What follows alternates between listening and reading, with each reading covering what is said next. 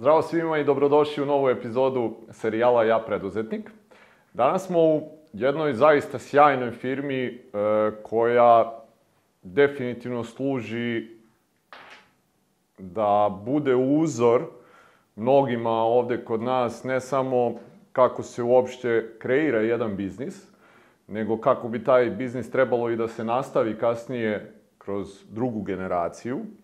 O tome šta firma radi neću govoriti ja, to ću prepustiti mom gostu, ali čisto da znate kao jednu informaciju na kom nivou oni rade je da su u toku celokupne ove e, situacije sa koronom koju smo imali, e, poslali 14 svojih ljudi u Holandiju gde je Holandija morala da obezbedi sve papire i sve to, to je bilo dakle negde u maju da bi uradili projekat koji je finansiran od strane holandske države i Svetske zdravstvene organizacije, pošto su oni procenili da od svih firmi koje bi to mogle da rade, ova naša firma srpska je upravo ona koja zadovoljava sve kriterijume. Tako da mi je veliko zadovoljstvo da vam predstavim mladog gospodina, jel tako i dalje, Andriju Perovića, da mu se zahvalim na gostoprinstvu ovde u firmi, da poželim dobrodošlicu u serijal, ja preduzetnik. Andrija, hvala ti na vremenu odvojenom prvo za nas danas i e, ja sam ovako rekao neke okvirne stvari, nisam hteo da detaljišem, to ću prepustiti tebi da predstaviš firmu. Hvala, hvala pre svega na lepom uvodu, hvala na dolasku i na izboru naše kompanije ovaj, da, da nas predstavite kroz ovako značajan i lep serijal koji ste ovaj, napravili. Ukratko o Termoventu. Termovent je firma koja je stara ovog trenutka 27 godina. Osnivač kompanije je moj otac Dušan Perović. Počeli smo kao kompanija koja se, kao firma, hoću reći mala, mala zanatska radionica, znači proizvodili smo prvo ovaj, na početku određene tipove ventilatora, klima komora, znači onako to je sve bilo iz jedne ovaj, male radionice, da bi 2003. godine na, imali prvi projekat e, za Hemofarm. U Hemofarmu smo radili prvi projekat sa čistim sobama, gde se faktički moj otac i upoznao prvi put i susreo sa, sa, sa takvim projektima. I tu je prepoznao jednu nišu koja je jako interesantna, dosta zahtevna, uh -huh. e, dosta kompleksna, a i dalje u, u, u, se nalazi u sistemu ventilacije onime čime se mi zapravo bavimo i gde je njegovo iskustvo pre svega ovaj, veliko. Jer je on bio i e, nekada direktor u Termomentu Beogradskom, koji je bila kompanija koja je tada zapošljavala i preko 1500 ljudi ovaj, pre, pre rata i sankcije. Mm -hmm. e, tako da je kroz e, taj prvi projekat Hemofarma 2003. E, nakon toga pokušao i uspeo da ugovori jedan projekat u Evropskoj uniji 2005. godine u kompaniji Sterop u Belgiji. On je odlazio ovaj, e, besomučno na te sastanke, ovaj, 17 sastanaka imao da bi tek 18. put ovaj, uspeo da, da ugovori prvi projekat e, u Belgiji, koji je bio baš za sterilna proizvodnja. E, to i jeste taj preduzetnički ovaj, nagon i, i, i to što svaki preduzetnik u sebi nosi, jeste ta upornost i, i strajnost ka, ka nekom višem cilju i viziji koja, koju danas Termovent faktički i, i sprovodi u delo. Znači, 2005. smo prvi projekat u Belgiji ugovorili konačno. U tom momentu e, situacija u zemlji takva da smo i dalje imali vizni režim, znači nismo mogli slobodno putujemo Evropom. E, najveći problem je bio tog momenta kada smo primili avans za taj isti projekat i onda je bilo ja šta sad? Dobro, došli smo do momenta kada ovaj, smo ugovorili posao, ali šta sad? znači, kako dalje? E, onda je bilo, naravno, opet ta njegova predužnička energija, e, odlasci u ambasadu, e, postali smo čak i prijatelji sa tadašnjim ambasadorom ovaj, Belgije, on nam je obezbedio i vize i putovanje u zemlju, ovaj, u, u, u Belgiju. Prvi projekat uspešno završen i onda su počeli prosto da se nizuju projekti. I od tog trenutka pa do danas, evo već 15 godina, mi u Belgiji i Holandiji ovaj, bez prekida radimo projekat za projektom naravno i preklapaju se više projekata u isto vreme, tako da smo sa te strane Belgija, Holandija i sporadično u Francuskoj ovaj, konstantno radimo. E, to su projekti e, u čistim sobama, e, znači sterilna proizvodnja, farmacija pretežno, nešto malo se bavimo i industrijom e, e proizvodnje poluprovodnika. to je da kažemo neki core biznis termoventa. Pored toga mi smo značajni proizvođač klima komora za sve vrste e, objekata i aplikacija, znači od hotelijerstva, zatvorenih bazena, e, shopping molova, office parkova, e, preko naravno farmacije mm -hmm. i, -hmm. i industrije čistih prostora. Okay. E, spomenuo si da je tvoj otac još 93. pokrenuo firmu. Ono što je zanimljivo i što sam ja spomenuo ovaj, u, u nekom svom uvodu je bilo da ste vi već na neki način sproveli tu tranziciju sa prve na drugu generaciju. 2017. E, je godina kad si ti e, preuzeo, je li tako, firmu od njega. Ok. E, obzirom da ti nisi sam pokretač firme, ono što je neka tradicija našeg serijala je da se uvek vraćamo na početke. Ti si već lepo i rekao jedan deo istorijata ovaj, same firme. Sad ono što bih ja voleo da uradim je da tebe vratim na neke tvoje mladalačke dane, da mi kažeš recimo kad su možda neki neka prva sećanja koja ti imaš uopšte da, da otac ima neku firmu i da se to ovaj nešto tu kao radi i šta su možda bile neke prve stvari koje se ti sećaš da su imale neki kontakt sa, sa tadašnjom firmom?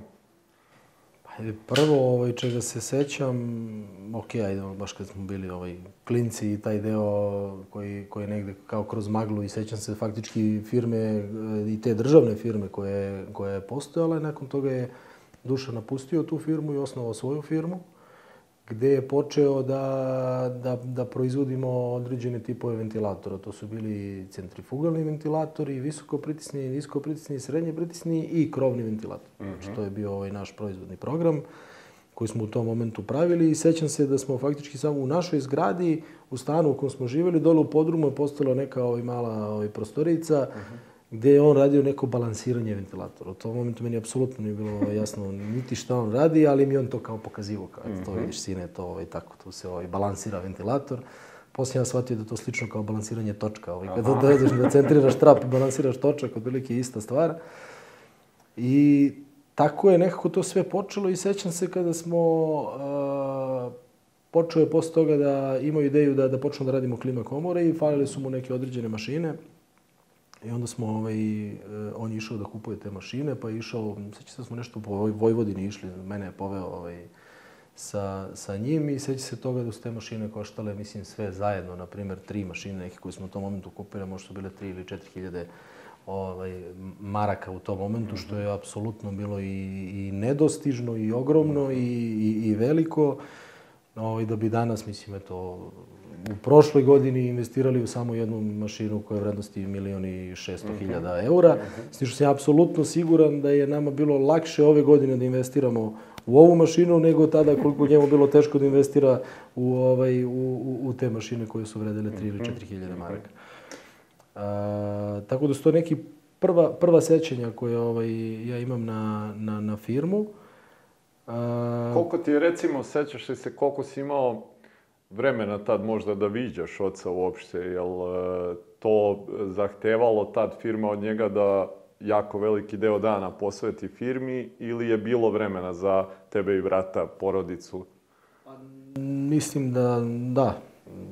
Sećanje je tako da, ok, majka je bila uh mhm. -huh. stup porodice, naravno, e, tata je bio tu uh, Mislim, bio je tu, naravno, ovaj, i mi smo bili uključeni u firmu i on je ovaj, bio tu, ali naravno non stop je bio na službenim putevima, non stop je mhm. jurio gde, ovaj, da, da, da bi se što više posla dobilo, jer prosto u tom momentu on je bio sam i još troje, četvoro ljudi pored njega uh mhm. -huh. i počela je da se, da se gradi firma i da ne, neki ljudi koji su njemu jako verovali iz prethodne državne firme su faktički došli u, u, u tu našu ovaj, -hmm. privatnu firmu jer su verovali faktički u njega kao, mm -hmm. kao čoveka koji može da, da, da nešto napravi. Mm -hmm. Koliko je recimo e, to što je e, tvoj otac radio i to čime se firma bavila, imalo možda neki uticaj vezan za tvoje školovanje? Uh, imalo je apsolutno i brat i ja smo završili mašinski fakultet. Uh, da sam baš ja birao u potpunosti šta sam želeo da studiram, ne bi bio mašinski fakultet. Aha, dobro. A, iskreno, bilo bi arhitektura. Aha, Ovaj, okej. Međutim, e, nekako sam ja video da ima negde, nije mene nikad otac terao, e, moraš da završiš mašinski fakultet, treba budeš inženjer kao što sam i ja i ostalo. Ne, apsolutno. Naravno da je njegova želja postojala. Dobro. I da je bio jako ponosan kad smo ovaj, i brat i ja upisali fakultet. A, nije mi bilo teško da završim mašinski fakultet, jer srećom ovaj, ni, i matematika i fizika su bili nešto što mi je uvek ovaj, kroz, kroz školovanje dobro išlo. Tako da nije bilo to problematično završiti i bilo je meni to interesantno, ali nije to bio faktički moj, e, moj izbor. Tako da mogu da kažem da taj uticaj firme koja je postojala jeste ovaj, negde i, i, i projektovalo ovaj, šta ću ja onda i studirati i šta ću završiti. U tim nekim studentskim danima, e, kako izgleda možda, jel postoji e, nekih stvari koje radiš u firmi, pomažeš i koliko ti to uopšte ima značaja i za završetak fakulteta da možeš odmah neke stvari praktično da primeniš, da tako kažeš. Ne, ovaj, mislim da jeste i problem generalno našeg školstva, naravno i mašinskog fakulteta, zato što ima jako malo prakse. Jako malo prakse i studenti koji su na fakultetu zapravo nemaju, imaju, mislim, praksu ono obavezno mesec dana za vreme raspusta, koji naravno niko ne ode, nego mu neko tamo nešto nažvrlja. A, studenti nemaju praksu i izlaze s fakulteta kao da trebaju da budu naučnici, da kažem, u Vinči, a ne da budu inženjeri u nekoj, u nekoj firmi. Ja sam imao tu sreću da sam a, a, praktično znanje mogao da, da imam kroz firmu i da faktički te stvari učim i onda kada prosto dođem na ispit i počinjem da, u stvari neki, počinjem da učim neki ispit, ja razumem o čemu se tu zapravo radi. Znači, jer, jer to, je, to je problem. Mnogo teorije, malo prakse i onda je jako teško i, i razumeti. Tako da zapravo meni jeste firma pomogla dosta da, da je lakše završim fakultet. A, i interesantno je, na primjer, da naša danas klima komora koju proizvodimo za bazene je bila moj diplomski rad.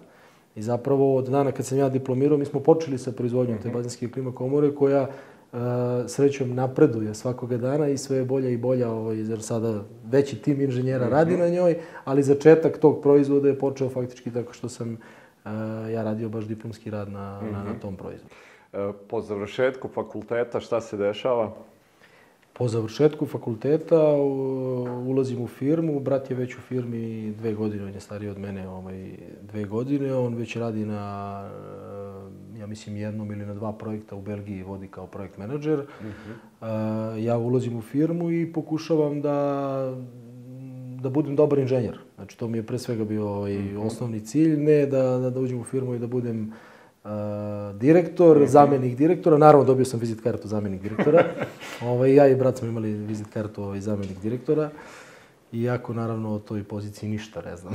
Niti znam na koji način to treba da se radi, ni šta ona predstavlja. A, ali sam se zapravo bavio inženjerskim poslom, zaista. ovaj, to mi je bilo onako jako interesantno. A, pre svega proizvodnja. Znači, ja sam manje više iz projekata se izlačio i gledao nekako e, video probleme u proizvodnji koji postoje, znači u tadašnjoj toj mašinskoj radionici, e, način na koji mi proizvodimo klima komore, način na koji ih projektujemo, način na koji ovaj, e, e, ceo pristup tom poslu, onda sam pokušavao da to promenim, da unapredimo, da stvari automatizujemo, da unesemo softvere, da sve te stvari nekako počinju da, da liče na neke evropske firme koje se bave istim tim proizvodima i to nešto čime smo se mi u tom momentu bavili. Naravno, te kompanije su se bavile već deseta godina pre toga, znači tako da smo mi tu negde ovaj, kaskali na tom putu. A, da bi faktički, kako su godine prolazile i kako sam ovaj, kao inženjer postajao sve bolji i bolji i shvatio da firmi više kao inženjer zapravo i nisam potreban. Znači, firma ima dovoljan broj inženjera koji e, mogu da obavljaju taj posao, ali negde smo prepoznali, već to je bilo 2014. 15. da firma ima problem upravljanja. Znači da imamo jednog čoveka koji upravlja celom firmom, koja u tom momentu, a tad smo već bili na jedno možda 70-80 ljudi, što već nije zapravo mali, mali broj ljudi s kojima, s kojima se upravlja. E, prepoznali probleme koji se dešavaju unutar kompanije.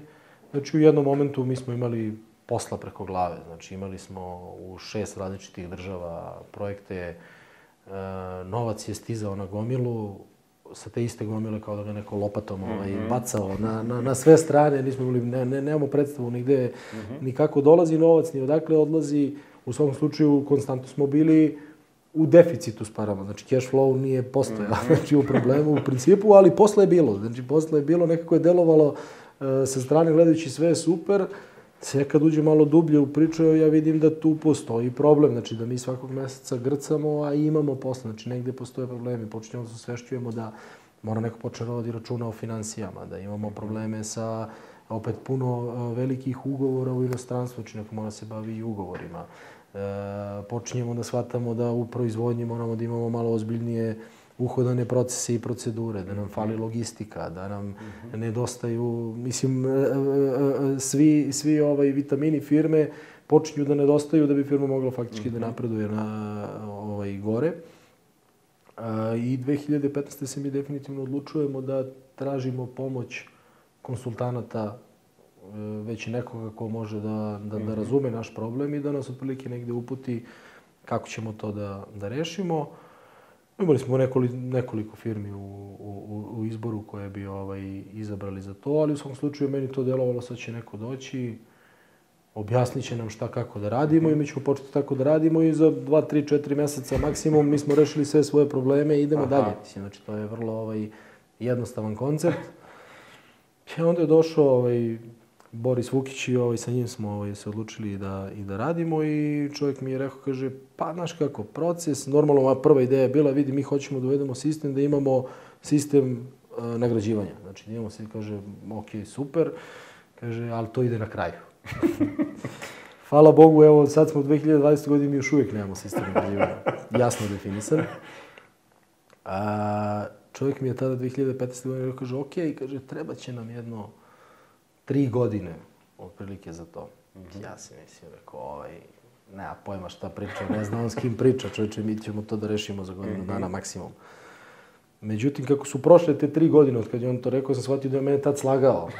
Da on teo, kaže, pet godina, ali zna da bi mu onda da rekao, onda, pa da preplaši me, pa bi rekao, ej, aj, naćemo mi nekog pametnijeg, ovaj, ne znaš ti to da radiš kako treba. Da, ovaj. da. Tako da, realno, realno proces tranzicije, je trajao nekih tri godine, a da bi firma već ušla i prešla taj e, e, e moment od kako se u Ajadišu stomatologiji zove iz go-go-a u adolescenciju, znači da, da, da smo došli sada do te neke ovaj, mlade adolescencije, a, prošlo je pet godina. Mhm. Prošlo je pet godina i treba nam sigurno još jedno tri do pet godina da idemo onako dobrim, dobrim koracima ka nekoj top formi firme. Znači da smo mhm. zaista ovaj, da imamo vrlo jasan menadžment, da imamo jasne procedure, da imamo da prosto počinjemo iz onog balkanskog vlasničkog, da kažem, mhm. prelazimo u korporativnu kulturu. Mhm. O, ovaj, tako da smo još uvek u tom procesu tranzicije, Jasne. ali tranzicija sa prve na drugu generaciju, da, uspešno je ovaj, urađena. Od 2017. godine, kao što smo pomenuli, ovaj, ja upravljam kompanijom zajedno i sa bratom. Ovaj, naravno, brat vodi jedan, da kažemo, značajan deo firme koji je vezan za za čiste prostore i, i taj deo koji je generalno, da kažemo, možda najmlađi deo u našoj firmi, kao profitni, kao e, e, divizija firme koja je u, u velikoj ekspanziji i od koje planiramo faktički da bude e, u tom delu i najveći rast kompanije. E, spomenuo sam baš ono na, na početku vezano za taj deo tranzicije nas dvojica smo se ono dohvatili te teme pre nego što smo počeli zvanično da razgovaramo koliko će izazovno biti za, za Srbiju taj neki period naredni od desetak, 20 godina da, da se uspešno prenese sa prve generaciju na drugu ovaj upravljanje firmom. Zanima me, e, ti si rekao da ste shvatili da imate problem. Kako izgledalo to iz perspektive sad porodice? E, pretpostavljam da ste e, ti i brat razgovarali sa ocem oko svega toga. I evo i ovom prilikom da najavim, zaista se nadam da ćemo i sa tvojim ocem koji je ono van zemlje trenutno uspeti da napravimo razgovor, jer voleo bih stvarno da, da sagledamo termoment iz ugla obe generacije, da ljudi imaju priliku da, da vide i perspektivu i čuju i jedne i druge kako sam taj proces izgleda. Ali vezano sad za, za taj deo kad si rekao da ste shvatili 2015. otprilike da imate problem, jel ste... E, razgovarali sa ocem oko toga kako je on to video, je li on shvatio da ima problem i kad ste rekli ok, treba da krenemo polako u taj proces gde će se on u jednom trenutku operativno povući iz poslovanja, je li ta odluka bila onako laka za doneti ili nije baš bilo tako glatko? Apsolutno suprotno od toga. A, a, Dušan je preduzetnik koji je to prihvatio i koji je e, s, saslušao i mene i brata i, i, i ovaj, prihvatio je to na neki način i godinama, kako su godine prolazile i kako je firma postajala uspešnija, on je bio svesniji da to ide u dobrom pravcu. Uh mhm. -huh. Međutim, situacija je da preduzetnici to ne, ne, ne žele da prihvate. Mislim, uh mhm. -huh. zaista ne žele da prihvate. E, postoji tu i, mislim, mnogo prvi i osnovni problem zato što a, kompanija koju oni vode već 15 e, ili 20 godina funkcioniše na jedan način, a, e, uspesi stoje iza kompanije apsolutno i kako sad da neki konsultant može da dođe sa strane i da kaže da to nešto što on radi ne treba tako da radi, treba da radi drugačije, mm -hmm. jer mislim da taj konsultant zna nešto, on bi imao takvu firmu kao što on ima. Tako. Mislim, tako. ovaj, to je vrlo logično. E, ali ima ona jedna dobra knjiga koja kaže šta vas je dovelo ovde, neće vas odvesti tamo. Znači, to je, to je ključna rečenica koju bi trebali svi preduzetnici da shvate, da jedan moment e, do te 2015. i jeste bilo jedini način da se stigne do te tačke jeste bio taj preduzetnički način. Ne postoji drugi, drugi, drugi princip kako firmu dovesti. Ne može firma da krene tako što krećemo, pravimo vrlo jasnu strukturu, vrlo jasne planove, e, strateške ciljeve mm -hmm. i sve postavljamo unutar kompanije prvog dana osnivanja kompanije. Ne, prvo se kreće, radimo sve, radimo stalno, radimo 24 sata, za sve, mislim, to, to je koncept prosto osnivanja svake ove mlade kompanije. I taj princip može da funkcioniše do jedne tačke. U jednoj tačci dolazimo do prelomnog momenta u kom ili počinjemo da radimo druge stvari na drugi način, ili firma počinje lagano da propada, u nekih slučajevima i brzo, ali mm -hmm. prosto ovaj, može da se uđe u tu uh, osnivačevu zamku, znači u kojoj uh, osnivač ne pušta firmu više da raste, zato što ne, ne, ne može jedan čovjek da razgovara sa 150-200 ljudi. I tu nailazimo na, na, naravno, taj problem. Drugi problem je da uh, mislim, dešavalo se u, u, u, u mnogim kompanijama da iznenada i osnivač ovaj, umre. Mm -hmm. Tog momenta ta firma više ne postoji. Mm -hmm. Zato što je sve zavisilo od jednog čoveka. On je apsolutno imao znanje i o financijama, i o samim projektima, i o tome kako ovaj, funkcioniše i sama proizvodnja, do toga da i ako pukne ovaj guma na kamionu, on je taj koji bira koji će guma da bude i ko će da menja tu gumu. Tako da ovaj, to je sve posao jednog osnivača i jednog preduzetnika i to je zaista e, jako teško i komplikovano. E, a najteži moment dolazi tog momenta kada preduzetnik treba da prihvati da i drugi ljudi unutar firme mogu da zamene gumu na kamionu, a da ne pitaju da li to smeju ili trebaju da urade. O, jer je stvarno lep moment kad firma počne da funkcioniše sa jasno definisanom strukturom, sa jasnim budžetima, da u tom budžetu, mislim sad se vraćam na gumu kamiona, ali i ona postoji u tom budžetu, pa on ne mora da pita da li sme da menja gumu, pošto ima gumu u budžetu, tako, ovo, ako iskače, onda već mora da, da, da pita nadređenog i tako, znači, tako da je e, taj, e, taj moment e, promene e, svesti kod samog preduzetnika jeste komplikovan i zaista ovaj, Mnogi ljudi u tranziciji su se žalili kako sad odjednom radimo nešto drugačije, kako sad više nije onako kako je bilo, kako su navikli. Da ja svima pokušam da kažem, ako je uspeo Dušan da se promeni, znači on je najveću promenu izazvao kod sebe, znači onda niko drugi nema prava da se žali mm -hmm. ovaj, na, na promene koje, koje dolaze. Znači, da... Kad govorimo o promenama koje je Dušan morao da uradi, e, kao i neki drugi ljudi u firmi. Šta su promjene koje si ti morao da uradiš kod sebe u toku te tranzicije da bi mogao da preuzmeš i firmu 2017. i da evo tri godine nakon toga firma i, ide uz brdo i koje su to možda neke stvari koje si ti morao da menjaš? A, osnovne stvari koje sam morao da promenim to je da izađem iz uloge inženjera i da urađem ulogu menadžera. Opet, e, kao i preduzetnik, tako i menadžer u Srbiji ima nekako lošu mm -hmm. konotaciju. Ovaj, kad, kad se kaže nekako to onda zvuči kao ovi privatni fakulteti, menadžeri, to je mislim sve ovaj, da. e, bez veze. Dobra veza jeste kad je inženjer postane menadžer. Mislim da je to ovaj, su, za naravno firme koje se bave mm -hmm. inženjerskim poslom kao naša kompanija. E, jeste super zato što sam ja zaista prošao kroz celu firmu. Znači od, od osnivanja firme pa do danas znam sve procese kako funkcionišu i onda mi nije strano da razgovaram i sa delom firme koja se bavi proizvodnjom i sa delom firme koja se bavi inženjeringom, pa ni sa delom firme koja se bavi financijama i računovodstvom i marketingom i znači svim ostalim ovaj, temama, zato što imam tu inženjersku bazu, a nakon toga sam se i edukovao kao menadžer. Znači, prošao sam dve godine leadership programa, Mm -hmm. Ovaj, sa te strane sam se edukovao nakon toga zaista o, o, o leadershipu, liderstvu i, i, i menadžmentu, pročitao knjiga koliko nisam za, za vreme Maškog fakulteta sigurno ovaj, pročitao ni pola toga. I prosto to su stvari koje, koje ovaj, sam ja kod sebe morao da promenim i da iz jedne role inženjera potpuno pređem u, u, u ulogu menadžera. Šta je recimo u tom procesu tranzicije kad e, ste polako pripremali da ti preuzmeš firmu, odnosno da se otac operativno povuče iz tog dela.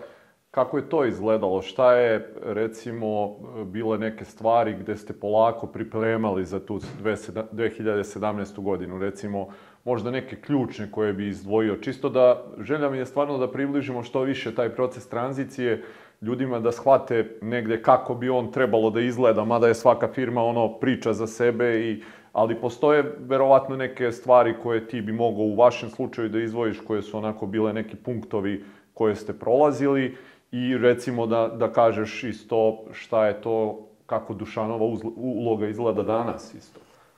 Pa ključne, e, ključne stvari koje smo prvo, e, koje je Dušan ovaj, puštao, da kažem, da, da, da radi drugi ljudi unutar firme, jesu bile, prvo smo preuzeli, na primjer, e, e, financije i upravljanje samo financijama. Znači, od toga da smo zaposlili direktora financija, koji je faktički pregovarao sa bankama, gde smo, znači, onda uspeli da održimo taj pozitivni cash flow. Znači, to je bilo onda osnovno. Pa smo onda e, nabavku firme centralizovali. Znači da, da, da neko onda zajedno sa, mislim, povezanost financije i nabavke je naravno neophodna, znači da bismo dobili što bolje uslove plaćanja, da bismo dobili što bolje cene. Pa se onda tu nadovezala logistika koja je znači morala opet da neko upravlja logistikom. Znači onda su počeli ta, da kažem, e, delegiranja poslova određenim ljudima koji su upravljali svojim delovima firme. Znači to je mhm. bilo ključno da, e, da ne može jedan čovek da bude uključen u sve te e, aktivnosti. Uh -huh.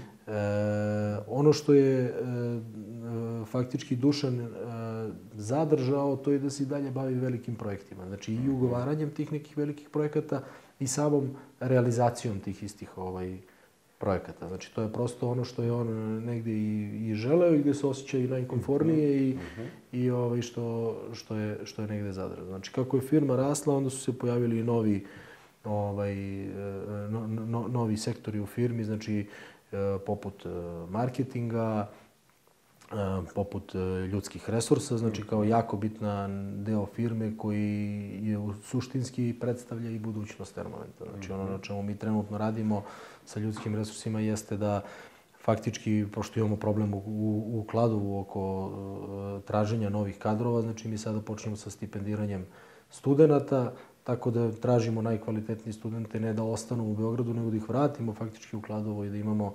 najbolje studente Maškog fakulteta, elektrotehničkog mhm. fakulteta, pa i ekonomiste, mislim, mm -hmm. da, da, da, vratimo u Kladovo i da probamo da napravimo ovaj, e, priliku za te studente, znači da, da nije ono osuđenje na, na Beograd, mislim, mm -hmm. nema, nema gde drugo, nego da postoji neki potencijal i, i u Kladovo ovaj, gde može da radi. Mm -hmm. e, Pored toga, ono gde smo zaista ovaj, napravili iskorak u ovoj godini jeste osnivanje Termoment Akademije. Znači, to je mhm. još jedna ovaj, divizija unutar firme gde faktički želimo da napravimo što brži onboarding za naše e, inženjere koje zaposlimo, znači da, da skratimo taj period adaptacije sa godinu, dve ili tri koliko je trajao do sada na, na šest meseci, mm -hmm. da studentima pružimo praktična znanja, Znači, ne ono što uh, na fakultetu mogu da nauče previše teorije, nego da dobiju što više prakse, što više spako nečega. E, kad izađeš s fakulteta, ovo ti treba. znači, mm -hmm. da bi negde radio, da bi se negde zaposlio, ovo ti je potrebno. Mm -hmm. ovaj, tako da je to isto ovaj, novi deo firme. Tako da su to sve stvari koje su, da kažem, jedna po jedna delegirana na, na ljude i skidana obaveza, da kažem, sa, sa Dušana u tom ovaj, mm -hmm. tranzicionom periodu ovaj, -hmm. firme. Okay. Zanima me sad, e, e, spomenuli smo već tvog brata, kad je došlo do odluke isto ko će da zauzme koju funkciju, uh -huh. kako ste se odlučili? A, to je naravno odluka koja, a, koja je za svakog roditelja najproblematičnija mm -hmm. i kada je došlo do te odluke, Dušan nije želeo da, da preseče, nego je hteo da nego je rekao, ajde vas dvojice sedite pa se mhm. dogovorite pa me izvestite. da. Tako da smo... To vam je da, delegirao tako je, on tu je to odmah, ovaj, odmah nam je to delegirao i rekao je, ovaj, to, to se vi dogovorite, ovaj, meni je sve jedno. da. Tako da je to, ja mislim, apsolutno meni razumljivo sa, mm -hmm. sa njegove strane ovaj, da, je, da je to tako i trebalo da, da izgleda. Uh, brat i ja smo seli, razgovarali, e, videli otprilike ko, ko je u čemu ovaj, dobar. A, u tom nekom internom sređivanju firme, procesima i, i, i tom delu što je u tom momentu možda bilo trebalo firmi, u tome sam ja zaista dobar. On je mnogo bolji u eksternoj komunikaciji, u predstavljanju kompanije, u, u, u prodajnom segmentu, znači u, u celom u marketinškom predstavljanju kompanije i onda smo tu negde i ovaj prosto razumno rekli je vidi ajde ti ovaj sedi na čelo firme, jer ćeš je interno faktički upravljati kao da kažemo ministarstvo unutrašnjih poslova, a on je ministarstvo spoljnih poslova. Okay. Tako da je tu i napravljena ovaj, ta, ta podela vrlo jednostavno. Doneta ta odluka, e je li postojala neka vrsta straha kod tebe, hoćeš li moći to da izneseš? Jeste. Jest. Kako si se izborio? Jeste, najiskreniji, zato što su, uh, kad unosite ogromne promene u firmu, uh, to zaista nisu male promene, mm -hmm. menjamo jednog čoveka, menjamo, mm -hmm. to, to su kompletne strukturne promene, u kojima odjednom počinjete da delegirate sve na ljude, u tom momentu onda postoji strah od neuspeha. Znači, mm -hmm. strah od neuspeha i dokazivanja da to u što sam duboko verovao da treba da, da, da se desi, šta ako se to ne desi? Mm -hmm. Šta ako je Dušan bio u pravu da mi to trebamo sve sami da guramo i da mm -hmm. tako ovaj, radimo, a ne da ovaj, delegiramo na, na, na druge ljude, e, svakako da postoji, postoji taj probleme, ali onda kako su ovaj, godine prolazile i kako su počeli rezultati da pokazuju mm -hmm. da je to ispravan put, Mislim, nije to bio uh, moj put, to je bio put koji piše u svim knjigama. Mm -hmm. znači, tako da je, to je bilo ono meni zaleđe koje mi je dala, mm -hmm. davala uvek potvrdu da je to jedini pravi pravac kojim firma treba da, mm -hmm. da ide mhm. napred. Ovaj, kako to sada već, kažem, godinama i pokazuje rezultate, ovaj, naravno da je osjećaj bolji. Mm -hmm. Osjećaj je bolji kad se čovjek osvrne iza sebe i pogleda kako smo izgledali te 2015. kako izgledamo danas i ovaj, na kojim e, poslovima radimo i kako funkcionišemo mm -hmm. i, i koliko je produktivnost firme povećana. Znači, to, je, to, je, to, je, to je ključno ovaj, u uspehu neke firme. Nije samo neto profit EBITDA, nego mm -hmm. samo produktivnost firme. To je znači koliko mi uspevamo a, da napravimo dodatu vrednost sa jednim čovekom, znači zaposlenim, novo stvorenu vrednost na, na, na, po čoveku. Znači da, da, da su nama plate porasle od te 2015. do danas pa preko 100%.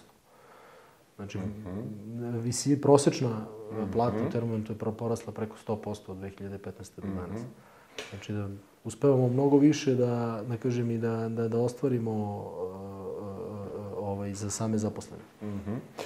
Baš mi je jako drago eto što si to i neke konkretne stvari rekao šta je ta tranzicija donela uh, iskreno podatak sad koji si rekao da je prosječna plata 100 puta, 100% e, povećana, e, je nešto što bi e, trebalo da služi kao konkretan prikaz svima koji nas gledaju i dotakli smo se toga i ti si spomenuo da je svakom preduzetniku jako teško da se odrekne u tom trenutku odgovornosti, jer nekako svi e, preduzetnici smatraju da to što oni rade tako je najbolje, najpametniji smo, najlepši, sve to nekako ide. Jako je teško napraviti taj korak i imamo i siguran sam i da će Dušan kad budemo to razgovarali sa njim, e, verovatno reći da to nije ni malo lako ni emotivno uraditi, jer ti tu firmu i gledaš kao svoje dete na neki način i jeste veliki iskorak. E sad, kad je već sve to uradio i ti preuzimaš e, rukovodđenje firmom, šta je možda nešto što u tom trenutku vidiš, a da možda pre toga nisi znao? Ili možda neki dodatan, rekao si već da si imao strah, e, možda neki dodatan pritisak ili možda neke stvari koje je u tom trenutku dok nisi i e, zvanično, da to tako kažem, preuzeo vođenje firmom, da si se možda prvi put tad sreo sa nekim stvarima koje je možda do tad Dušan radio, a da ti to uopšte nisi ni bio svestan toga? Pa stvari za koje nisam bio u potpunosti svestan šta predstavlja delegiranje i, i ovaj, upravljanje kompanijom na taj način jeste da a, je suština upravljanje, mislim naravno upravljanje ljudima. Uh -huh. A da je to taj najkompleksniji deo uh -huh. cele slagalice. Uh -huh. kako upravljati ljudima? Znači da bismo imali uspešnu kompaniju na čelu ključnih pozicija u firmi moramo da imamo sjajne i uspešne ljude. Znači da bi oni, što je čovjek pametniji, to je s njim teže i upravljati. Mislim što je potpuno ovaj, logično. Znači, ja zaista mogu da budem ponosan na ceo management Termoventa kao skup e, jako e, inteligentnih ljudi na jednom mestu, ali je to poprilično kompleksni sastanci su svaki put kad mi sednemo da pričamo, zato što svako ima nešto da doda. Svako ima neko svoje razmišljenje, neki svoj pogled i e, najveći problem je saslušati sve njihove poglede, potpuno ih razumeti, obraditi i na osnovu toga doneti jedan zaključak koji je najispravniji za, za, za, za, za termoment i za neki ovaj pravac koji mi hoćemo da se krećemo. Mm -hmm. znači, e, u svakom tom e, razgovoru vi uvek imate oni koji su bili protiv toga, oni su koji su bili za to, za takvu neku ideju i onda vi trebate da pomirite sve ta razmišljanja mm -hmm. i da ih ovaj sprovedete tako da su svi zadovoljni na kraju, da svi guraju, da svi guraju brod u istom smeru. Jer je mnogo veliki problem ako neko hoće levo, ovaj, a, a mi svi se odlučili da idemo desno. E to je ono što nisam, ovaj, nisam znao da je to toliko kompleksno. Znači, to je najkompleksniji deo.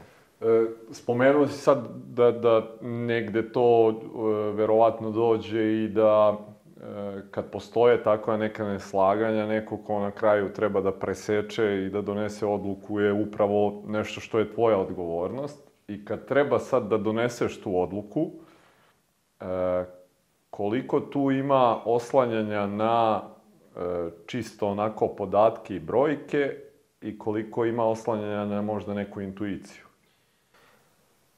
Pa sve je, sve je manje intuicije. -hmm. Sve je manje intuicije. Mislim da to i jeste razlika e, između e, preduzetništva i, da kažemo, korporativne kulture jeste što se u preduzetništvu sve ide na intuiciju. Mm -hmm. I zaista preduzetnici jesu ljudi koji imaju sjajnu intuiciju. Znači, mm -hmm. to ih je i dovelo tu gde, mm -hmm. gde jesu. E, ali u nekom momentu intuicija može da bude jako opasna. Mm -hmm. e, ovaj, mi počinjemo sve više i više da upravljamo firmom na osnovu brojeva. Međutim, biznis nisu brojevi. Znači, da su samo brojevi, bilo bi jednostavno i svako bi znao dobro sabira, uh -huh. ovaj, super bi vodio ovaj firmu. Tako da, intuicija i dalje postoji u baš u tom odnosu sa ljudima. Znači, ne, ne, ne može da se upravlja firmom tako što e, imamo vrlo jasno definisana pravila kako ovaj, razgovaramo sa ljudima i kako upravljamo ljudima. Ne, znači svaki čovjek je jedinka za sebe. Znači i svako, sa, sa svakim čovjekom mora se razgovara na različiti način da bi se izvukao maksimum iz svakog zaposlenog. Znači, kada kažem iz svakog zaposlenog, ne mislim samo na management firme, nego mislim na bukvalno na poslednjeg mm -hmm. ovaj, zaposlenog u nizu koji, koji radi u ovoj kompaniji. Mm -hmm. e, kad postoji recimo neka situacija i pored tog tima koji, sa kojim ono neko, negde svakodnevno radiš, koliko postoji danas konsultacija recimo sa ocem i bratom kada neka odluka treba da se donese, i šta ako se možda ne slažete? Pa mogu da kažem da nemamo, e, nemamo mnogo neslaganja. Zaista ovaj, nemamo mnogo neslaganja jer e, e, generalno gledamo da, da, da opet sada sve više i više upravljamo tim brojkama. Znači i tu kada pričamo onda o, o, o jasnim, na primjer, ne znam, da li ćemo ući u novi investicioni ciklus, kada znamo da, da će nam to doneti te i te benefite, da će se povrat investicije desiti i tada i tada, onda tu m, teško dođemo do neslaganja. Znači, neslaganja mogu da se pojave baš to ako idemo na intuiciju. E, šta misliš, aj, mogli bi ono da probamo, pa ne, ja mi za to ne bi trebali da probamo ili ne znam ja, ali ovaj, nemamo, zaista nemamo mnogo neslaganja. A oko svih nekih krupnijih stvari koje ovaj, trebam da donesem kao odluku, naravno da nas trojice sednemo ovaj, zajedno i onda je donesemo zajednički i trudimo se da, ok, ja pokušavam da to sprovedem na, kroz celu firmu, ali ono što je jako bitno je da, da imam njihovu podršku, njih dvojice, znači koji su tu u, svakom trenutku da, da podrže tu ideju. Šta su možda neke ključne stvari koje, koje si kroz što detinstvo, što kroz ovaj deo poslovnog, on- onako da kažemo poslovne saradnje sa ocem, e, šta su neke ključne stvari koje si naučio od njega? Ključno je upornost. Apsolutno. Apsolutno upornost. Ovaj, mislim da to... U stvari, siguran sam da je najuporniji čovjek kog ja poznajem. Da. Apsolutno. Moguće da postoje uporniji ljudi od njega, ali ja ih ne poznajem. Jesi, e, nekako je upornost dosta povezana i sa strpljenjem. I nekako kad smo mladi, to strpljenje nikako nije nešto što nam je prirodno. E, jesi imao ti taj problem možda? Apropo i te procene da će taj deo tranzicije trajati 3-4 da, meseca, da, da, ne, jel da? naravno, naravno, da uvek, mislim, ja uvek imam problem da u bilo koji interni projekat i dan danas kada ulazimo ili nešto hoćemo da, da uradimo, ja to uvek promašim pa negde jedno tri puta. Znači nije, nije promašaj, ako smo govorili da ćemo to raditi za tri meseca, da ćemo dovršiti za četiri, ne, ono to bude devet. Da. I realno je devet. Mislim, ali prosto ovo i uvek mislim da neki koraci mogu da se preskoče, da nešto možemo da uradimo brže, da samo ako bi svi se uključili da bi to bilo bolje, ali ne, nije to, to, to nije realno.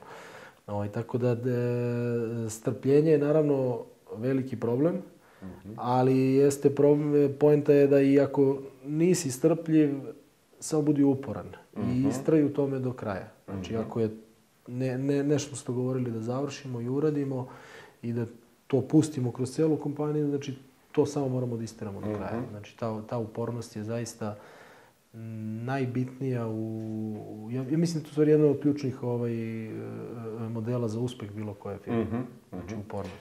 U, u samoj najavi sam spomenuo eto taj jedan od projekata koje, koji ste radili, ali koji je meni onako baš kad sam i video vest u, u toku korone, ovaj, one, kad smo svi bili zaključani, malte ne i Srbije nije moglo da se izađe, vi ste ovaj, radili projekat u Holandiji. I ja sam ga ukratko onako samo ovaj, e, spomenuo, ali bih voleo da ti malo nešto više kažeš o njemu, pošto e, iz moje neke perspektive zaista je jedna referenca i jedna stvar koja pokazuje na kom nivou je Termoven danas kao kompanija.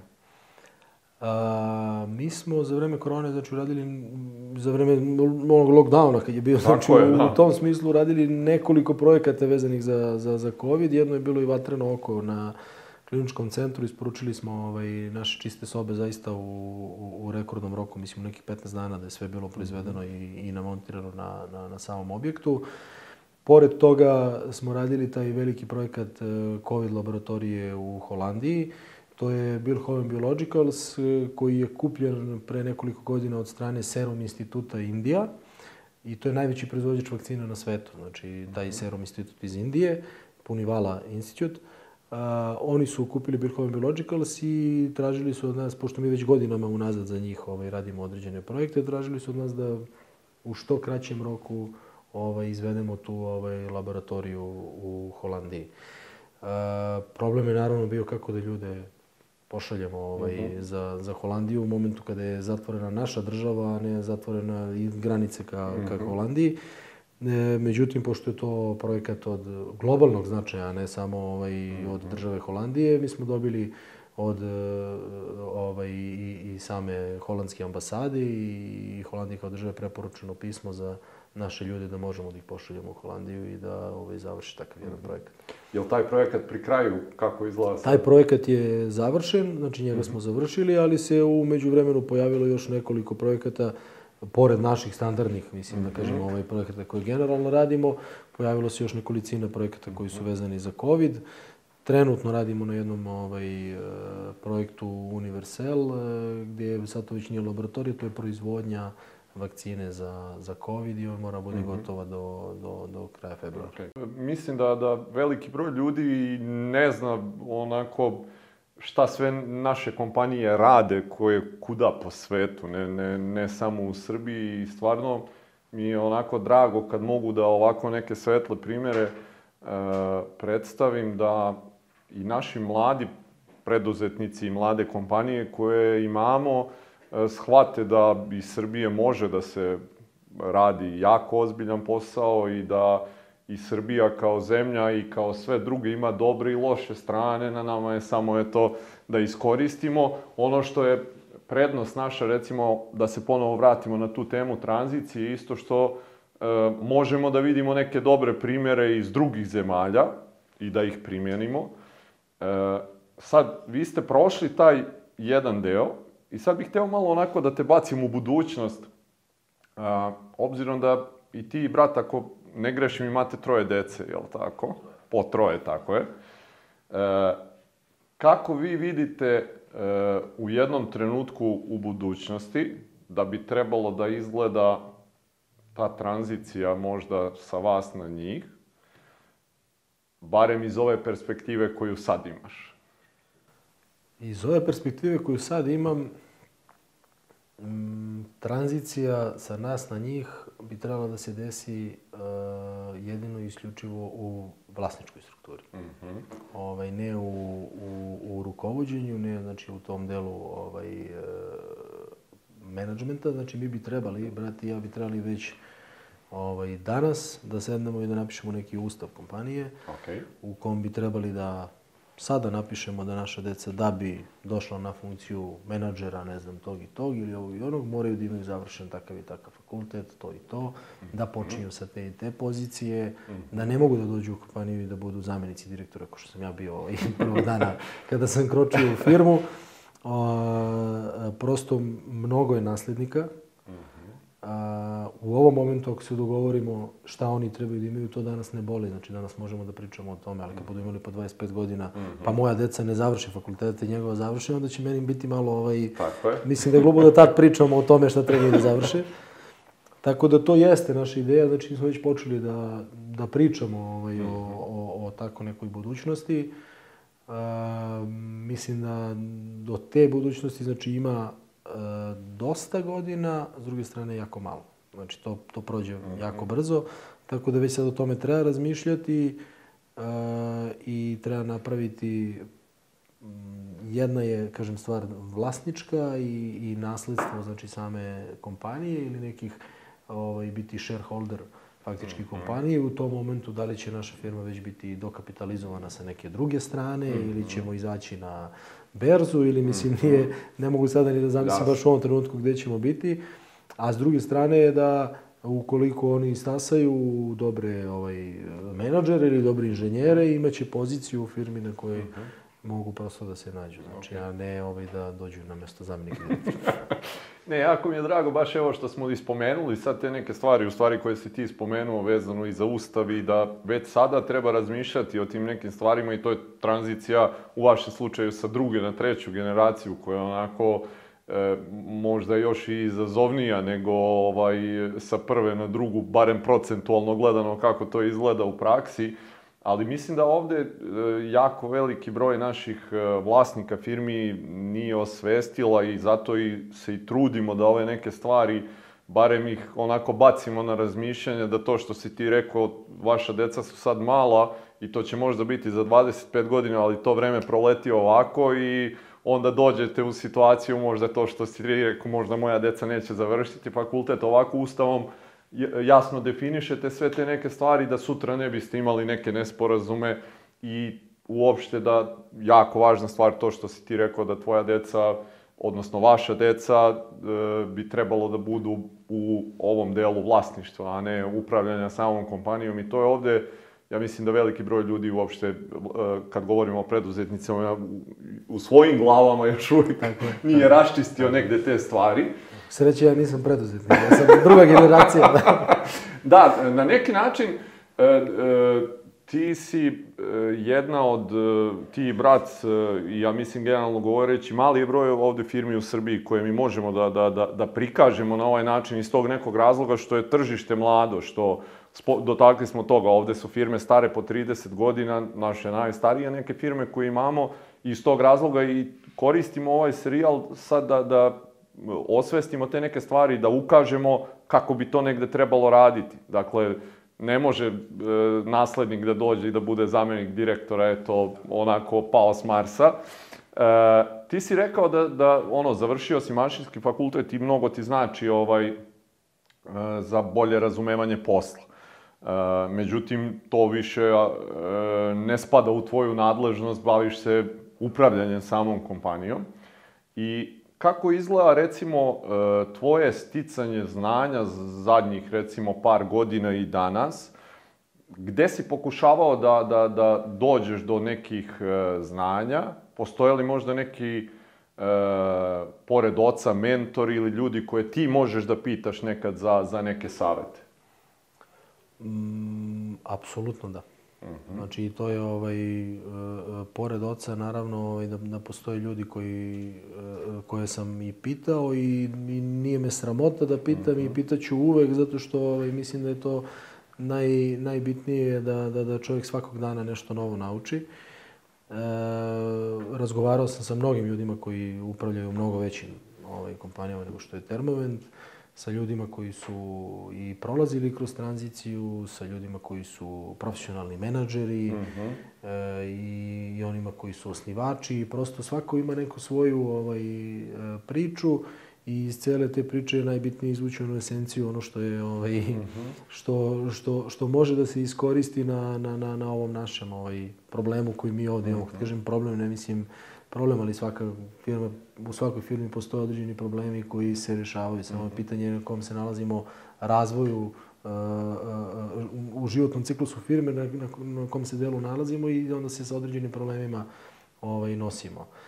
Tako da, pored toga što, što kažem, se i privatno sa nekim ljudima viđam pa, pa razmenjujem ovaj mišljenja, mi smo zaista firma koja je otvorena uvek za konsultante. Znači, mi ovaj, zaista imamo, ja mislim da, da ne prođe ovaj, ni jedan jedini mesec sigurno ovaj, da, da u našoj firmi nisu bili konsultanti što za proizvodnju, što za kontrolu kvaliteta, što za marketing, uh -huh. što za upravljanje rekonstrukciju firme, što za budžetiranje. Mislim, da. zaista ovaj, mi konstantno koristimo uh, ovaj, ne, neka tuđa znanja, uh -huh kako bi unapredili naše, mislim, potpuno ovaj, mm -hmm.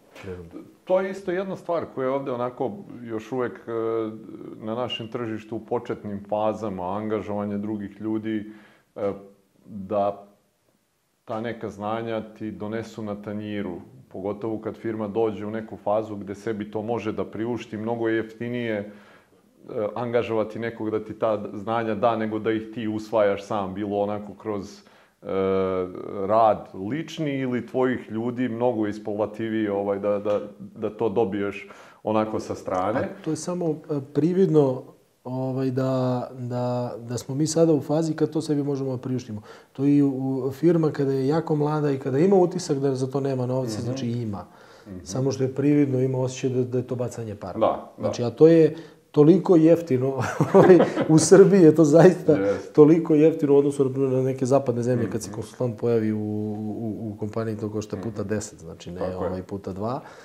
A, je toliko jeftino i toliko da a, progresivnosti firmi, znači da, da mnogo brže se otvara firma mm -hmm. mnogo brže napreduje i to se vrati, mislim, mm -hmm. to, to nije E, e, ovaj, povrat investicije 7 do 10 godina, to pričamo godinu dana. Mm -hmm. Znači, mm -hmm. sigurno jasno, jasno. Ovaj, povrat investicije. E, spomenuo si da su to neke stvari koje planirate u narednom pre periodu i ta akademija. Ja mislim da je to onako još uvek jedna stvar koja je kod nas, pa ja ne znam, možda čisto par firmi koje možda razmišljaju u tom smeru, a koja je jako značajna, koja obezbeđuje e, termoventu budućnost na neki način. Kako vidiš, vi danas imate oko 180 ljudi zaposlenih, kako vidiš možda neki e, naredni period od 3 do 5 godina za termoment i šta sve smatraš da je potrebno da ti, baš ono kao neko ko vodi tu firmu, u narednom periodu kod sebe možda unapredi, promeni, da bi to sve moglo da se ostvari? A, ono što je najbitnije za, za budućnost Termoventa jeste da obezbedi ljude. Kad kažem ljude, znači da obezbedimo kvalitetne ljude na kvalitetnim pozicijama. Znači to je ono na čemu ovaj, e, ja najviše trebam da, da radim da bi, da bi Termovent mogao e, tržište na kojem mi radimo, znači ću reći market, znači to je najviše farmacija i, i, i semikonduktor industrija, znači ima prostora za rast termomenta, kažemo, neograničeno. Mm -hmm. je samo pitanje koliko mi toga možemo ovaj, da, da uzmemo i koliko smo sposobni da iznesemo posla uh, sa, sa, uh, sa, sa ovim sistemom na kojim danas funkcionišemo. Znači, uh, ono što, što ja trebam da uradim u narednim godinama jeste da, da obezbedim temelje firme, da faktički ona može nesmetano da raste nekih 30% godišnje, ovaj, što je zaista ogromno ako pogledamo danas 30 pa za godinu 30, 30, 30, znači mi ćemo od danas pa već za 5 godina biti na preko 200%, znači ovaj, u odnosu na ono što smo danas. Znači potrebno je obezbediti e, temelje da firma može nesmetano da raste. Da bismo to obezbedili, to i jeste ovaj razlog zašto se sve više i više bavimo ljudima i zašto smo ovaj, napravili Termoent Akademiju, gde želimo znači, da već danas se bavimo ljudima koji će za pet godina biti sastavni deo termomenta. Znači da, on, da mi pet godina njima dajemo edukaciju i da pete godine kad ih zaposlimo i kad postanu inženjeri, da oni tog dana već budu sposobni i spremni da istog dana mogu da počnu da radi i da doprinose. Mm -hmm. Mm -hmm. E, šta bi možda izdvojio e, mislim, nije lako pričati o sebi, ali šta možda onako vidiš kao neku svoju e, ključnu osobinu i nešto što ti pomaže da, da e, guraš dalje, da, da termovent, to što si rekao, možda za 3 do 5 godina, eto, bude 200% rasta? Pa ne znam da, malo je, ovaj, malo je, malo je nezgodno ovaj, pričati o sebi ali sigurno je da, da neko ko sedi na mojoj poziciji mora da ima viziju. Znači mora da ima viziju gde se mi nalazimo za pet, neko ko sedi na nekoj još ozbiljnijoj poziciji, znači kažem nije termometru nego dalje, on vidi možda i 20 godina mm -hmm. O, ja sam zadovoljan što mislim da mogu da vidim 5 godina ovaj, u, u napred da će termomet biti i mislim da bez toga uh, upravljanje firmom nije, nije ni moguće. Znači, neki uh, progresivan rast nije moguć ukoliko ovaj, ne može da se vidi tih pet godina napred. Mislim da imam tu sposobnost da mogu da, da vidim pet godina napred. Zašto je to bitno? Zato što nam to omogućuje da mi onda pravimo sisteme unutar firme baš takve da oni budu za pet godina tu gde trebaju da, da faktički budu. Šta je možda nešto što, e, gledajući pa ajde da kažem, tvoje preferencije kod tvog tima, koga sad ne znam koliko, uh, rekao si, ima, imate HR, ali šta smatraš da su možda neke ključne osobine za ljude koje uh, želiš za svoje saradnike? Šta smatraš da je jako važno da oni imaju? Uh, na jednom baš predavanju ovaj, je bio ovaj sjajan, sjajan preduzetnik i još sjajniji menadžer uh, Boris Popović iz Rijeke i on je rekao ključnu osobinu ovaj, e, menadžera koju sam zaista kad sam razmišljao, mislim da je čovjek potpuno u pravu i teško je pronaći takvog čovjeka, to je treba da bude uh, skroman i ambiciozan. Mm -hmm. Znači, to je ovaj, malo je u, u, u, u suprotnosti, u, u, jednoj, ovaj, u jednom čoveku treba da se nađu obe osobine i to je ključno. Mm -hmm. Znači, čovjek treba da bude pre svega ambiciozan, a ujedno i skroman. Znači, eto, to ako se pronađe, a hvala Bogu mi smo pronašli takve ljude, a, onda je tu ovaj, uspeh se ne postavlja kao pitanje.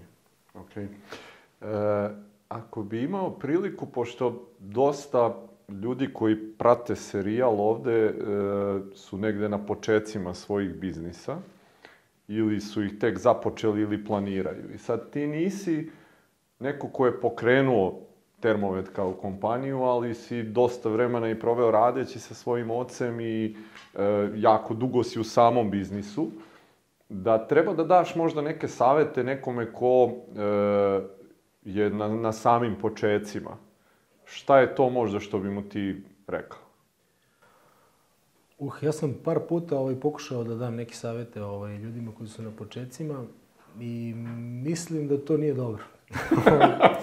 Nije dobro jer ovaj, ja ne ulazim u posao na osnovu osjećaja, nego na osnovu brojki. A čovjek na početku nema brojki. Uh -huh nema šanse da se bilo koja matematika ovaj, u Srbiji pokaže da ima smisla ući u bilo koji biznis. ovaj, jer čovjek prvo mora da potpunosti zalegne. Mora da bude spreman da radi 16 sati dnevno. Ne 8 mhm. sati dnevno za jednu platu, nego mora da radi 16 mhm. sati dnevno. I to svi sklone sa strane i o tome ne razmišljaju da on radi 16 sati dnevno. Mhm. Dušan nije radio 8 sati dnevno. Naravno. Sigurno. Ovaj, radio je možda i više od 16 sati dnevno. I svi to sklone i kažu da to, mislim, to nema veze, to ne košta ništa. Mm. Mislim, pa i to košta, i to je neka plata, i to je nešto... Či... Kad bi se sve to uzelo u, u matematiku, ovaj, sabralo i oduzelo, nema profita. Ovaj, međutim, tako mora da se prođe godinu, dve, tri, e onda počinje sistem da raste i onda počinje ovaj, da, da sve nekako i dobija ovaj smisao. Zato kažem, ovaj, nisam, nisam idealna osoba koja da ovaj, savjet, zato što ovaj, ja to kad proučim kroz neki ono Excel, što bi se reklo, ovaj, ja ne vidim zašto bi ti ušao u taj posao, mislim, tu nema, nema zarade. Međutim, jedna firma ne bi nastala kad bi, kad bi se tako mhm. ovaj, mhm. pristupalo ovaj, mhm. poslu. Tako da, uh, opet se vraćam na onaj savjet koji sam ja faktički ne dobio od Dušana, nego sam ga preuzeo, to je upornost. Znači čovjek mm -hmm. da bi u nečemu uspeo mora bude uporan mm -hmm. i da mhm. veruje u to mm -hmm. ovaj, u šta radi i sigurno je da je prvih nekoliko godina jako teško i da mora da radi mnogo, mnogo više e, od onoga što je možda navikao. Znači čovjek sada radi u nekoj firmi, hoće da se osamostali da izađe, da budi spreman da će raditi duplo više nego što si radio u toj firmi. Mm -hmm. I ako si spreman na to, nećeš ni prve, ni drugi, ni treće godine imati veću zaradu nego što si imao u toj mhm. firmi, ali četvrte već možda da. Mm -hmm. E sad ono, e, jedan set saveta za koje si svakako kompetentan, za recimo firme koje e, bi trebalo da razmišljaju o tom nekom procesu tranzicije. Šta su možda saveti koje bi dao njima? Bilo iz ugla možda neke stvari koje znaš da su tvoja lična iskustva, bilo možda iz iskustva uh, koje si prošao, možda neke perspektive i tvog oca, šta je možda nekih par saveta koje bi dao njima? A, sad da se obraćamo ovaj preduzetnicima ili drugoj generaciji, ali... Možeš da sažmeš da. onako pa ne, savjet je isti, prvo moraju zajedno. -huh. Znači, ne može druga generacija odlučila da nešto promeni, a prva nije, nema od toga ništa. Mhm. -huh a, niti da prva generacija odlučila da će druga generacija bude zamjenik direktora, nema ni od toga ništa, mm -hmm. ako ovaj neće. Tako da, e, savjet je da zaista prvo i osnovno je da ljudi moraju da vide da unutar firme postoji određeni problem. A to je problem u kom e, jedan čovek upravlja celom firmom. Znači, jedan čovek donosi sve odluke, znači to je već problem u kom e, samo treba razmišljati šta da tog čoveka nema sutra šta bi bilo. Mm -hmm. Znači, pored njegove uh, super moći da mm -hmm. zaista upravlja sa, sa, sa 200 ljudi, ovaj, šta da tog čoveka nema sutra. Mm -hmm. Znači, to je prvo, uh,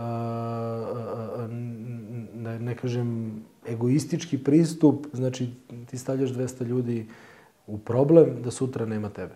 -hmm. Znači, tog trenutka 200 porodica direktno ovaj, ostaje bez posla, a indirektno, ako uzmemo koliko je oslonjeno firmi na termoven, znači to je mnogo više od 200 porodica.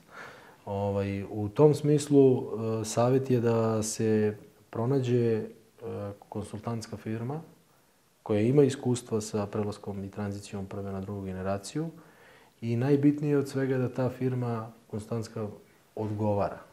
Da, da, da, da, da, da dišete zajedno i da se razumete.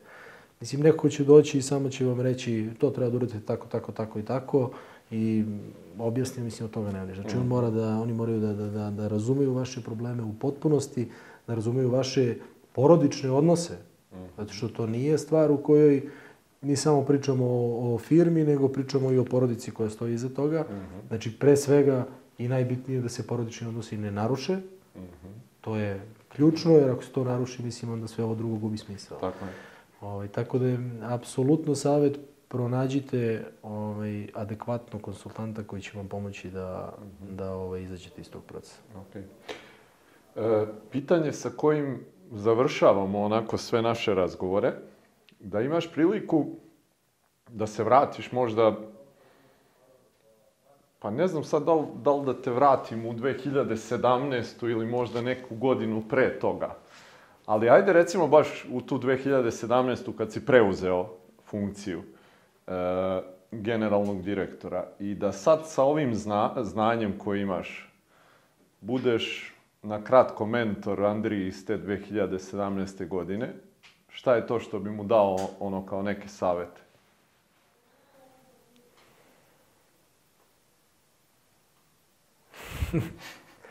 Teško pitanje. A,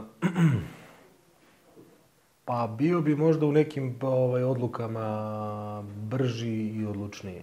Mm -hmm. ovaj, neke, stvari, neke stvari u tom momentu nisam presecao dovoljno brzo. Mm -hmm. Mislio sam da će biti bolje da se to malo pusti, da se prolongira, pa ćemo to da odlučimo kasnije. E, brže bi, brže bi ove stvari rešavao i odlučivao. Znači, to mm -hmm. mislim da je onako uh, savjet koji bi sam sebi dao, zato što znam gde sam, gde sam konkretno grešio. Mm -hmm. Baš tu gde sam neki... Šta god sam prolongirao i rekao ovo ćemo kasnije, to nije bilo dobro. Mm -hmm. Da, trebalo je brže. Jel bi poslušao taj Andrija savjet tada? Uh, verovatno ne. verovatno ne. Ok. E, Andrija, e, hvala ti stvarno puno na, na, na najpre odvojenom vremenu za nas danas ovde. Zadovoljstvo mi je stvarno bilo da razgovaramo, ja i ti smo se onako izrazgovarali poprilično i pre nego što je krenulo zvanično snimanje, ali mi je e, stvarno drago da, da smo predstavili ovaj deo priče Termoventa, kao što sam rekao, e, potrudit ćemo se da, da e, čujemo i Dušanov deo, koji smatram jako važnim, da prikažemo stvarno firmu za, za koju smatram da bi trebalo da bude uzor mnogim mladima koji kreću u neke preduzetničke vode, da, da onako imaju sliku nečega kako bi trebalo ta firma da izgleda, kako bi isto trebalo neke sledeće korake raditi ovaj, što se same tranzicije tiče, kako bi trebalo dugoročno da razmišljaju e, vezano za sve ove neke stvari koje si ti sad rekao i oko te akademije i oko toga kako firma treba da izgleda u narednih pet godina. Tako da e, ne ostaje mi ništa sem da vam poželim ono puno uspeha u nekim ovim godinama koje dolaze i da ove planove koje si mi rekao da imate, za koje smatram da je pravi put kojim vi kao kompanija treba da idete, da, da se ostvare i da ovaj predstavljate onako Srbiju na jedan stvarno lep način u svetu, da, da možemo da budemo ponosni, da verovatno e, dosta nekih e, e, ljudi širom Evrope i sveta gde ste vi radili projekte zna za Srbiju po jednom lepom ovaj onako načinu, a ne zbog svega nečeg drugog kao što smo mogli biti ovaj, da, da, da, da čujemo ranijih godina po vestima, tako da stvarno e, svako dobro želim i tebi i tvojoj porodici i kompaniji i još jednom hvala ti na vremenu koje si odvojio za nas. Hvala i vama što ste bili ponovo sa nama i vidimo se ponovo sledeće nedelje. Prijatno!